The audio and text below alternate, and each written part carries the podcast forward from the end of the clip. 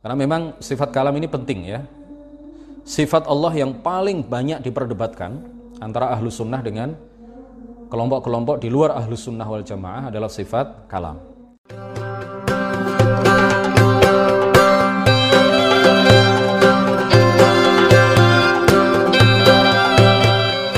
Para pemirsa NO Online yang mudah-mudahan semuanya senantiasa mendapatkan limpahan taufik rahmah serta hidayah dari Allah Subhanahu wa taala.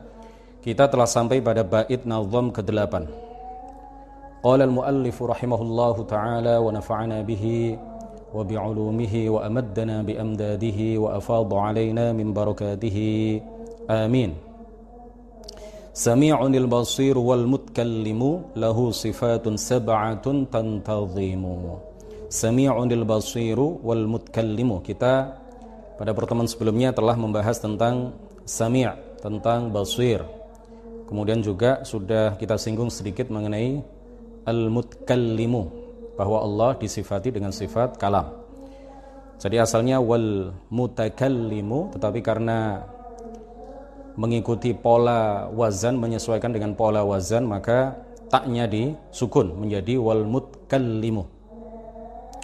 Bahwa Allah Subhanahu wa taala bersifat dengan sifat kalam. Kalam Allah seperti sifat-sifat Allah yang lain tidak bisa dibayangkan, tidak seperti kalam makhluk, tidak bermula, tidak berakhir, tidak terbagi. Kalam Allah satu, azali, abadi, tidak dimulai dengan huruf tertentu, tidak ada titik, tidak ada koma, tidak berubah, tidak berbilang, tidak berjumlah, tidak diakhiri dengan huruf tertentu, tidak seperti kalau kita membaca Bismillahirrahmanirrahim dimulai dengan huruf ba kemudian diakhiri dengan huruf mim. Kalam Allah bukan suara, bukan bahasa, baik bahasa Arab, bahasa Suryani, bahasa Ibrani maupun bahasa-bahasa yang lain. Kalam Allah bukanlah berupa rangkaian huruf yang tata'aqab ya, bukan merupakan rangkaian huruf yang datang silih berganti seperti kalau kita mengatakan sesuatu, seperti kalam kita yang diawali dengan huruf tertentu, kemudian berikutnya ada huruf yang lain dan begitu seterusnya, ada titiknya, ada komanya, ada jedanya, ada permulaannya, ada akhirnya. Kalam Allah tidak seperti itu. Kalam Allah seperti seluruh sifat Allah yang lain tidak bisa dibayangkan. Nah, kemudian kita lanjutkan pembahasan mengenai sifat kalam ini karena sifat kalam ini pembahasannya sangat penting sekali Kenapa ilmu tauhid disebut juga ilmu kalam? Kenapa ilmu tauhid, ilmu akidah, ilmu usuluddin disebut juga ilmu kalam? Menurut sebagian ulama karena karena banyaknya perdebatan antar kelompok mengenai sifat kalam Allah Subhanahu wa taala. Oleh karena itu agak kita rinci sedikit pembahasan mengenai kalam ini supaya kita eh, paham betul posisi maukif sikap ya golongan ahlus sunnati wal jamaah terkait dengan sifat kalam. Supaya kita tidak terpengaruh dengan golongan lain di luar ahlus sunnah wal jamaah. Supaya kita tidak terpengaruh dengan golongan misalkan mu'tazilah atau golongan musyabbihah jahmiyah dan lain sebagainya. Jadi e, mengenai sifat kalam sebagaimana tadi sudah saya sampaikan bahwa sebagaimana sifat-sifat Allah yang lain sifat kalam Allah tidak sama dengan pembicaraan makhluk, tidak sama dengan ucapan makhluk. Allah berkalam tidak membutuhkan alat apa pun. Allah berkalam, Allah berfirman, Allah berbicara tidak menggunakan lisan tanpa membutuhkan kepada lisan, tanpa membutuhkan kepada organ apa pun, tanpa membutuhkan kepada mulut, tanpa membutuhkan kepada angin, tanpa membutuhkan kepada udara, tanpa membutuhkan kepada apa pun, tidak berupa kalam kita, tidak serupa dengan kalam kita. tidak serupa dengan kalam kita, tidak berupa bahasa, tidak berupa suara, tidak berupa huruf. Nah, kita lanjutkan bahwa menurut para ulama ahli sunnati wal jamaah makhluk yang pernah mendengar atau pernah diperdengarkan kepadanya kalam Allah Subhanahu wa taala yang bukan berupa suara, bukan berupa bahasa, bukan berupa huruf, menurut para ulama ahlu sunnati wal jamaah ada tiga. Yang pertama adalah Nabi Muhammad sallallahu alaihi wasallam ketika beliau Mi'raj. Kemudian menerima perintah salat. Rasulullah memahami dari kalam Allah ketika diperdengarkan kalam Allah kepada beliau, beliau memahami kewajiban melakukan sholat lima waktu dalam sehari semalam untuk beliau dan untuk umatnya. Dan beliau memahami juga beberapa hal yang lain yang kemudian disampaikan kepada kepada umat beliau. Nah yang kedua adalah Nabi Musa alaihissalam.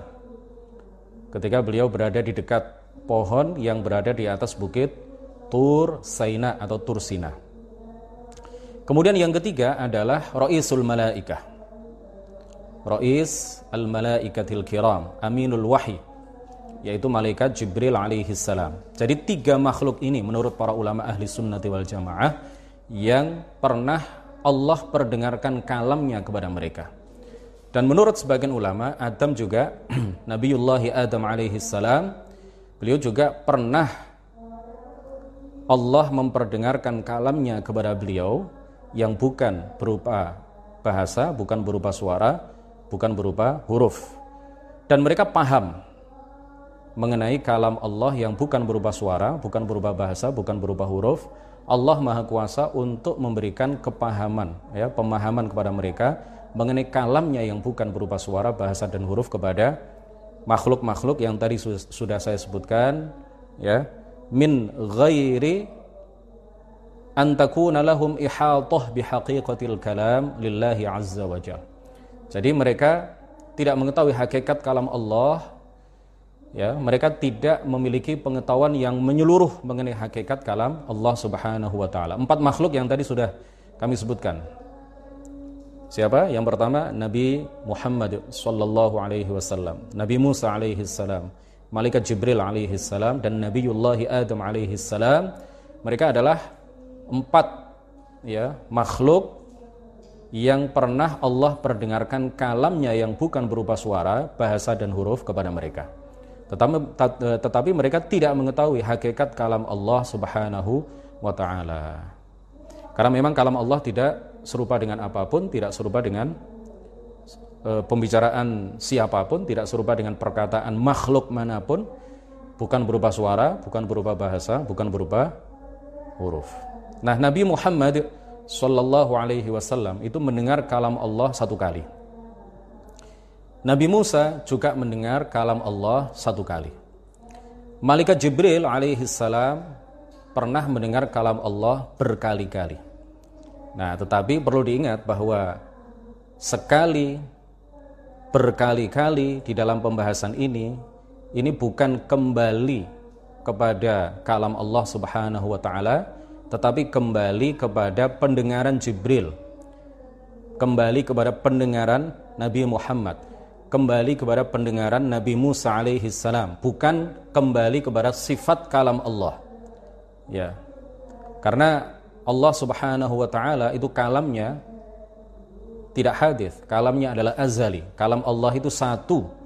Ya, wahid, kalamullahi wahidun la yata'addad wa la yatajazza wala yatakathar wala yata'addad ya wala yatarakkab wala yatajazza jadi kalam Allah itu tidak boleh disifati dengan sifat berbilang sifat e, berbagi terbagi sifat banyak ya sifat satu atau sifat banyak sifat berbilang. Kalam Allah tidak disifati dengan hal-hal semacam itu. Itu adalah sifat makhluk. Jadi ketika kita mengatakan bahwa malaikat Jibril mendengar kalam Allah berkali-kali itu artinya kembali kepada pendengaran Jibril yang hadis kembali kepada pendengaran malaikat Jibril yang memiliki permulaan, bukan kembali bukan merupakan sifat bagi bagi apa kalam Allah yang azali. Ya, karena sesuatu yang azali itu tidak bisa disifati dengan sifat berbilang. Tidak bisa disifati dengan sifat eh, apa banyak atau sedikit. Nah, adapun pada hari kiamat, ya, pada hari kiamat sebagaimana ini sudah kita singgung pada pertemuan sebelumnya, pada hari kiamat seluruh hamba Allah Subhanahu wa taala, seluruh manusia, seluruh jin akan Allah perdengarkan kalamnya kepada mereka. Sebagaimana diriwayatkan di dalam hadis sahih ya, yang sangat masyhur yang diriwayatkan oleh Imam Al-Bukhari, diriwayatkan oleh Imam At-Tirmidzi, diriwayatkan oleh Imam Ibnu Majah dan banyak sekali para perawi, uh, perawi hadis yang lain bahwa baginda Nabi Muhammad sallallahu alaihi wasallam bersabda ma minkum min ahadin illa sayukallimuhu rabbuhu yaumal qiyamati laisa bainahu wa bainahu tarjuman jadi setiap dari kalian masing-masing dari kalian kata Rasulullah pasti akan diperdengarkan kalam Allah pasti Allah akan memperdengarkan kalamnya kepada kalian, kepada masing-masing dari kalian, walaisa bainahu wa bainahu tarjuman. Tidak ada perantara. Ya. Tidak ada perantara antara Allah dengan kalian. Jadi masing-masing dari kita, ya, seluruh manusia. Begitu juga seluruh jin, mulai dari jin yang pertama yaitu iblis, la'anahullah, sampai jin yang uh, anak cucu iblis semuanya akan Allah perdengarkan kalam Allah kepada mereka. Allah akan menghisap mereka mengenai apa yang mereka yakini, mengenai apa yang mereka katakan, mengenai apa yang mereka perbuat, mulai dari sejak mereka balik berakal ya sampai mereka mati. Mereka akan dihisap semuanya. Nah, Allah Subhanahu wa taala adalah asraul hasibin sebagaimana ditegaskan oleh Al-Qur'an. Allah adalah zat yang paling cepat di dalam menghisap seluruh hambanya. Kenapa? Karena kalam Allah bukan berupa suara. Kalam Allah bukan berupa bahasa. Kalam Allah bukan berupa huruf.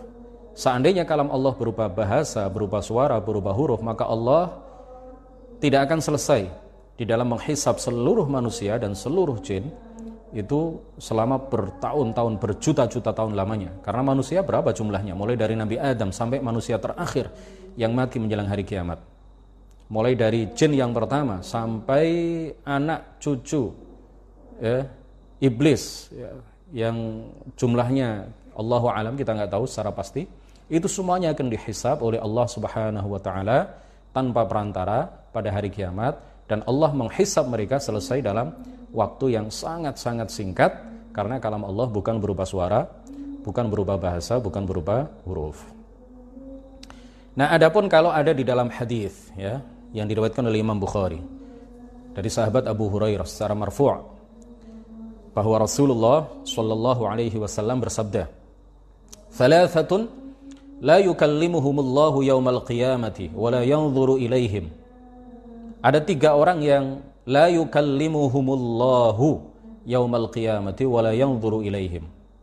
Jadi hadis ini seakan-akan Allah uh, tidak memperdengarkan kalamnya kepada tiga orang ini dan tidak melihat mereka. Nah, hadis ini seakan-akan maknanya seperti itu. Jadi hadis ini termasuk hadis yang mutasyabihat. Para ulama menakwil hadis ini dengan makna apa? Wala yanzuru ilaihim ay annahu la yukrimuhum bal yuhinuhum. Ya, tiga orang itu tidak dilihat oleh Allah, la yanzur ilaihim, tidak dilihat oleh Allah dalam arti apa? Tidak dimuliakan oleh Allah. Akan tetapi sebaliknya mereka akan dihinakan oleh Allah Subhanahu wa taala. Kemudian makna la yukallimuhum annahum la yafrahuna hina yasma'una kalam Allah kama yafrahul atqiya.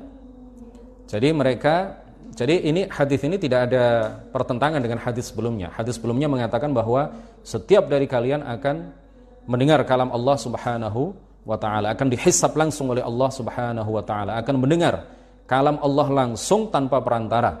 Kemudian dihisap mengenai keyakinan kalian, mengenai perbuatan kalian, mengenai ucapan-ucapan kalian. Hadis sebelumnya mengatakan seperti itu. Hadis ini mengatakan seolah-olah secara zahir bertentangan dengan hadis sebelumnya.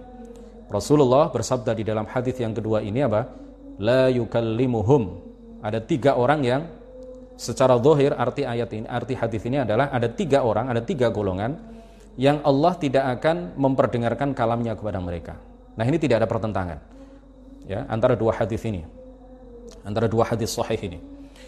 Para ulama mengatakan bahwa la yukallimuhum di dalam hadis yang kedua itu maknanya adalah annahum la yafrahuna hina yasma'una kalamallahi kama yafrahul atqiya. Jadi mereka ketika mendengar kalam Allah Subhanahu wa taala itu tidak merasa senang, tidak merasakan kebahagiaan seperti kebahagiaan yang dirasakan oleh orang-orang yang bertakwa ketika mereka mendengar kalam Allah Subhanahu wa yasma'una kalam Allah hala kaunihim mardiyyin 'inda Allah maqbulin ladaihi fa innahu yahsul lahum minal farahi was sururi ma la yusaf. Jadi orang-orang yang bertakwa, orang-orang yang soleh, orang-orang yang melaksanakan semua kewajiban, meninggalkan semua yang diharamkan, ketika mereka mendengar kalam Allah pada hari kiamat, mereka akan merasakan kebahagiaan yang tidak bisa diungkapkan dengan kata-kata. Sebaliknya wa ammal kufaru fa innahum la yash'uruna bi amnin bal yusibuhum khaufun 'azimun wa qalaqun matinun la yusaf Ya, sebaliknya orang-orang kafir, orang-orang musyrik, orang-orang yang mati dalam keadaan tidak beriman, orang-orang yang mati dalam keadaan tidak beragama Islam, maka mereka ketika mendengar kalam Allah Subhanahu wa taala dihisap oleh Allah langsung tanpa perantara antara mereka dengan Allah Subhanahu wa taala. Ketika mereka mendengar kalam Allah, maka mereka merasakan kesedihan yang luar biasa, kerisauan yang luar biasa, ketakutan yang luar biasa yang tidak bisa diungkapkan dengan kata-kata. Ya. Adapun orang-orang yang wa amma ba'du unsatil muslimin ya adapun sebagian para pelaku dosa besar tetapi mereka adalah orang-orang yang mati dalam keadaan mukmin mati dalam keadaan muslim tapi mereka pernah melakukan dosa besar sebagian di antara mereka fa innahum yakununa fi halatin baina haula'i wa jadi keadaan mereka adalah eh, antara ini dan itu ya, jadi tidak merasa gembira seperti yang dirasakan oleh orang-orang yang bertakwa, tidak juga merasa ketakutan yang luar biasa seperti yang dirasakan oleh orang-orang kafir. Jadi wahadal mawqiful ladzi wa yasma'u fihi kalam Allah laysa huwa kawuqufi insanin amama malikin min al-muluk bi an yakuna bainahu wa baina dhalika al-malik masafah wa muqabalah bijihah bal wuquful 'abdi baina yaday Allah ta'ala fil akhirati laisa bihusuli kaifiyatin lillahi wala hay'atin li'annahu la yajuzu 'alaihi dzalika. Kemudian jangan dibayangkan bahwa ketika Allah Subhanahu wa taala menghisap seluruh manusia dan jin dengan memperdengarkan kalamnya kepada mereka langsung tanpa perantara, itu bukanlah seperti beberapa orang yang menghadap raja di atas singgasananya karena Allah Subhanahu wa taala ada tanpa tempat. Di dunia kita meyakini bahwa Allah ada tanpa tempat. Allah tidak serupa dengan segala sesuatu. Laisa kamitslihi syai' wa lam yakul lahu kufuwan ahad. Hal ta'lamu lahu walillahil mathalul a'la. Ada beberapa ayat Al-Qur'an yang menyatakan semuanya bahwa Allah tidak serupa dengan apa pun, tidak serupa dengan siapa pun. Kita di dunia meyakini hal itu. Di akhirat pun akan seperti itu.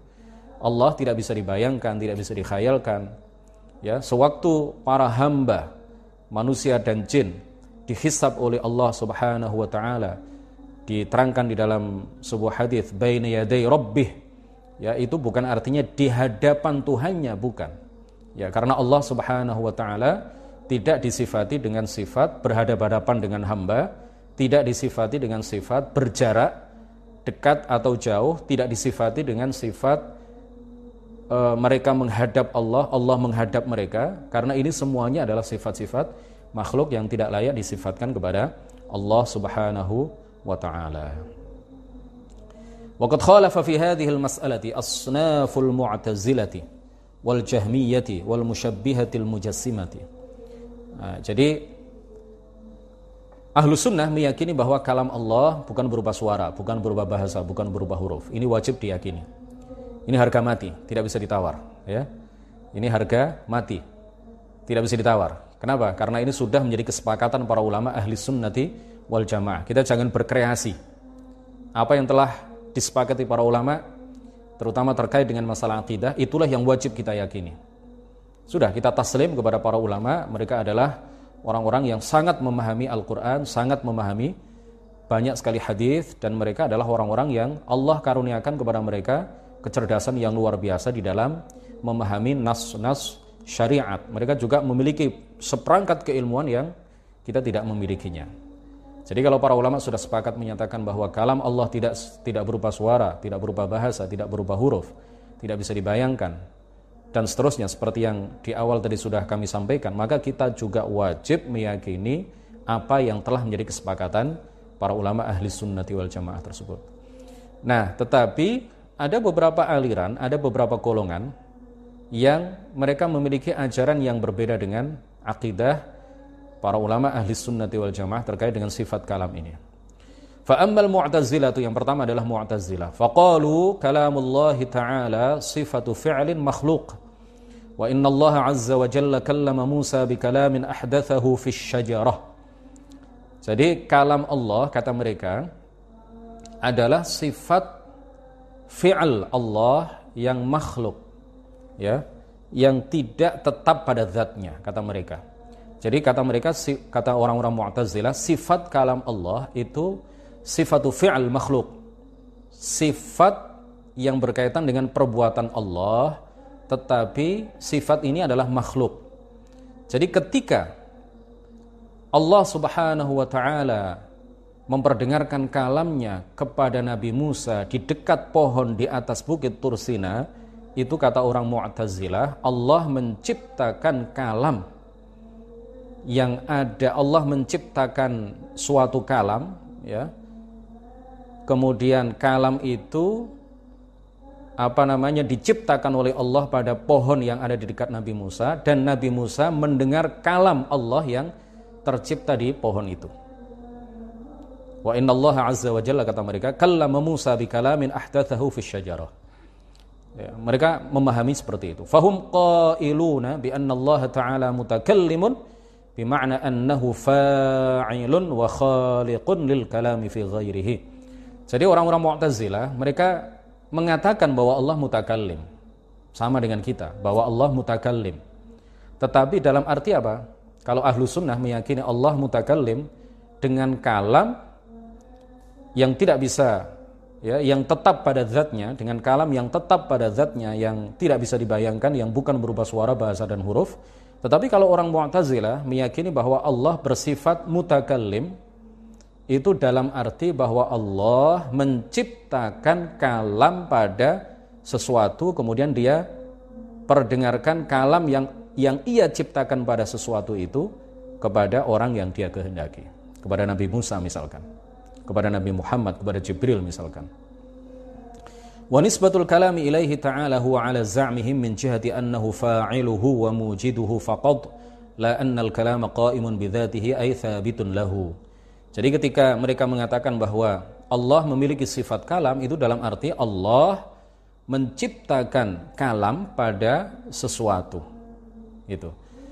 Kemudian Allah perdengarkan kalam yang ia ciptakan pada sesuatu itu kepada orang yang dia kehendaki. Bukan seperti apa yang diyakini oleh ahlu sunnah. Ahlu sunnah meyakini bahwa Allah bersifat dengan sifat kalam yang thabit lahu. Yang tetap pada zatnya. Fahasilu madhabihim anna Allah Ta'ala mutakallimun wa kalamuhu fi'lun lahu ghairu qa'imin bidzatihi listihalati qiyamil af'ali bidzatillahi ta'ala ala za'mihim li'annahum qailuna bi anna kulla. Jadi mereka berkesimpulan bahwa mereka orang-orang Mu'tazilah berkesimpulan bahwa Allah mutakallim, Allah bersifat dengan sifat kalam itu dalam arti apa? Kalamuhu fi'lun lahu ghairu qa'imin bidzatihi. Kalam Allah itu adalah perbuatan yang dia miliki tetapi tidak tetap pada zatnya tidak tetap pada zatnya. Kata mereka, listihalati qiyamil af'ali bidzatillahi ta'ala. Karena menurut mereka perbuatan perbuatan ya, perbuatan-perbuatan termasuk perbuatan Allah itu mustahil menempati zat Allah Subhanahu wa taala. Dan ini menyalai e, ijma umat ya. Umat dari dulu sampai sekarang para ulama ahlus sunnah wal jamaah umat Islam di mana pun mereka berada bahwa kalau kita mengatakan Allah mutakallim itu artinya bahwa Allah bersifat dengan sifat kalam yang tetap pada zatnya thabit lahu qaimun bidzatihi artinya thabit lahu ya tetap pada padanya tetap pada zatnya itu yang diyakini oleh para ulama ahli sunnati wal jamaah li'annahum qailuna bi anna kulla fi'lin hadith karena mereka berkeyakinan mereka mengatakan orang-orang Mu'tazilah berkeyakinan bahwa setiap perbuatan ya, setiap fi'al termasuk fi'lullah, perbuatan Allah itu hadis. Memiliki permulaan. Wal hawaditsu la taqumu bil qadim. Dan setiap perbuatan itu uh, yang hadis yang memiliki permulaan tidak mungkin tidak mungkin tetap pada zat yang qadim yang tidak memiliki permulaan. Nah ini ini uh, apa namanya alasan-alasan yang mereka kemukakan. Ini menyalahi nggak boleh kita yakini seperti itu. Kita yakini seperti apa yang diyakini dan diajarkan oleh para ulama ahli sunnati wal jamaah. Fi ma bainahum fi haqiqati kalamillah. Kemudian antar mereka siapa? Orang-orang Mu'tazilah itu mereka berbeda pendapat ya satu sama lain. Tokoh-tokoh mereka berbeda pendapat mengenai hakikat kalam Allah. Faminhum man za'ma anna kalam Allah jismun. Sebagian dari mereka me, apa mengklaim ya memiliki keyakinan bahwa kalam Allah itu adalah jisim sebuah benda ya yang yang eh, apa namanya sesuatu yang yang tersusun dari bagian-bagian. Jisim itu adalah sesuatu yang tersusun dari bagian-bagian. Wa annahu makhluqun wa annahu la syai' illa jism. Jadi mereka berkeyakinan, sebagian dari tokoh Mu'tazilah berkeyakinan bahwa kalam Allah adalah sesuatu yang tersusun dari bagian-bagian dan ia makhluk. Kalam Allah itu makhluk kata mereka. Dan tidak ada sesuatu kecuali jisim. Ya, tidak ada sesuatu kata mereka kecuali ia adalah jisim. Kecuali ia adalah memiliki bagian-bagian.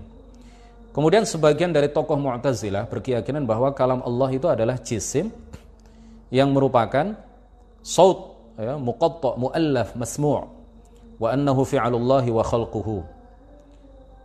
Kalam Allah itu kata sebagian dari tokoh Mu'tazilah adalah berupa jisim yang merupakan suara yang tersusun, yang bisa didengar dan bahwa suara itu adalah uh, ciptaan Allah Subhanahu wa taala. Kemudian sebagian dari mereka berkeyakinan bahwa kalamullahi arad makhluk, bahwa kalam Allah itu adalah sifat yang arad ya. Arad itu sifat ya. Sifat yang makhluk. Nah ini ini beberapa perbedaan pendapat di kalangan tokoh-tokoh Mu'tazilah yang semuanya itu nggak boleh kita yakini. Jadi kita sekali lagi wajib meyakini bahwa kalam Allah bukan berupa suara, bahasa dan huruf. Kalam Allah adalah sifat bagi zatnya yang tetap ya, sifat bagi uh, sifat yang tetap pada zat Allah Subhanahu wa taala tidak bisa dibayangkan, bukan makhluk ya. Karena adalah sifat Allah Subhanahu wa taala, oleh karena itu bukan makhluk seperti yang diyakini oleh orang-orang Mu'tazilah. Nah, adapun Jahmiyah ada lagi kelompok Jahmiyah فذهبت طائفة منهم إلى القول بأن كلام الله مخلوق خلقه في غيره خلقه في غيره jadi Jahmiyah itu meyakini bahwa sebagian dari mereka mereka juga ada perbedaan-perbedaan pendapat di kalangan mereka sendiri sebagian dari mereka berpendapat bahwa kalam Allah adalah makhluk yang ia ciptakan pada sesuatu selainnya wal farqu bainahum wa bainal mu'tazilah anna haula'il jahmiyah qalu huwa laysa bimutakallim atlaqal mu'tazilahu eh, al-mu'tazilatu annahu mutakallimun taqiyatan li'alla yushanna 'alaihim. Perbedaan antara Mu'tazilah dengan Jahmiyah ya, seperti yang tadi sudah kami sampaikan bahwa Mu'tazilah juga meyakini bahwa ketika kita mengatakan Allah bersifat dengan sifat kalam itu artinya Allah menciptakan kalam pada sesuatu selainnya. Begitu juga Jahmiyah. Ketika uh, mereka mengatakan bahwa Allah itu memiliki sifat kalam, itu artinya bahwa kalam Allah itu makhluk yang ia ciptakan pada sesuatu selainnya.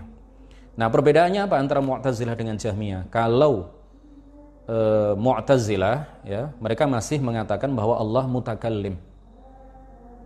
Tetapi kalau Jahmiyah jelas-jelas menafikan sifat mutakallim bagi Allah Subhanahu wa taala. Jadi Mu'tazilah dengan Jahmiyah sebenarnya sama. Mu'tazilah itu hanya taqiyah saja, dalam keyakinan mereka bahwa uh, Allah itu tidak bersifat kalam ya.